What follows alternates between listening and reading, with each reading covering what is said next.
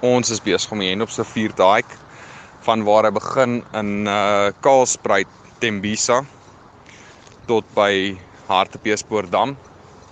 Uh dit is so 100 km en ons doen dit om die mense van Centurion en die mense van Suid-Afrika te wys wat gebeur in ons rivier sodat hulle kan sien en bewus is van die probleme die sewage dumping en die vullis dumping in ons riviere.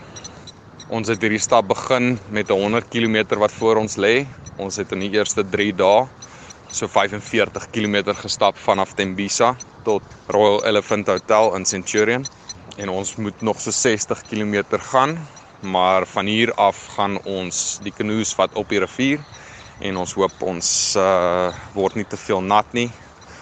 Natuurlik wil ons nie siek word van die rivier en al die sewage wat in die water is nie. Bailey sê die vlak van besoedeling veral deur die storting van rou riool in die rivier is skokkend.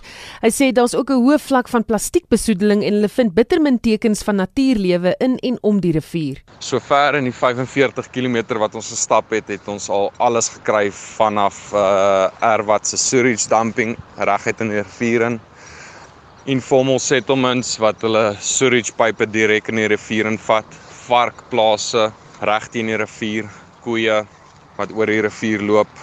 Ons het ook al plastiek eilande gekry waar ons letterlik op die rivier loop, reg in die middel van die rivier staan en video's neem en die dit gee nie eens in nie. Dit is so massa dat uh dis jou eie klein plastiek eiland.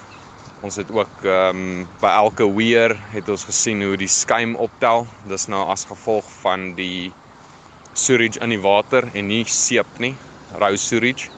So dan deur die rapids en deur die watervalle tel dit skuim op en uh dis massas. Ons het 'n deel gekry by die Royal Elephant waar die skuim 3 meter hoog staan. Ook baie min natuurlike lewe. Ons het al in 45 km een baber gesien in die rivier en dis sover die enigste lewe wat ons gekry het binne die water. Bailey sê dit reeds verskeie organisasies wat behoorlike rioolverwerking moet toepas, gekonfronteer, maar sonder enige sukses. Er wat sê hulle is besig met uh, opgradering van hulle wastewater treatment plant in Olifantsfontein. Hulle sê dit al vir die laaste 10 jaar. Ons sal sien of daar actually iets gebeur um in verband met die sewage. Andersins is daar 'n munisipaliteit wat nie sewage verwydering verskaf vir informal settlements nie. So die sewage van die mense gaan direk in die water in.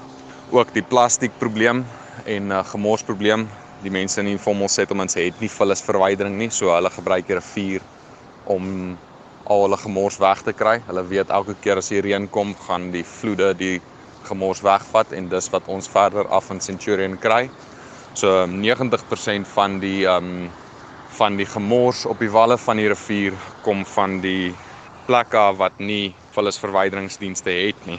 Ons hoop om uh meer volunteer-based uh river cleanups te reël en dan later hopelik uh dienste te verskaf aan die mense wat nie die dienste het nie sodat hulle nie meer die rivier gebruik as hulle vullisverwyderingsdiens nie.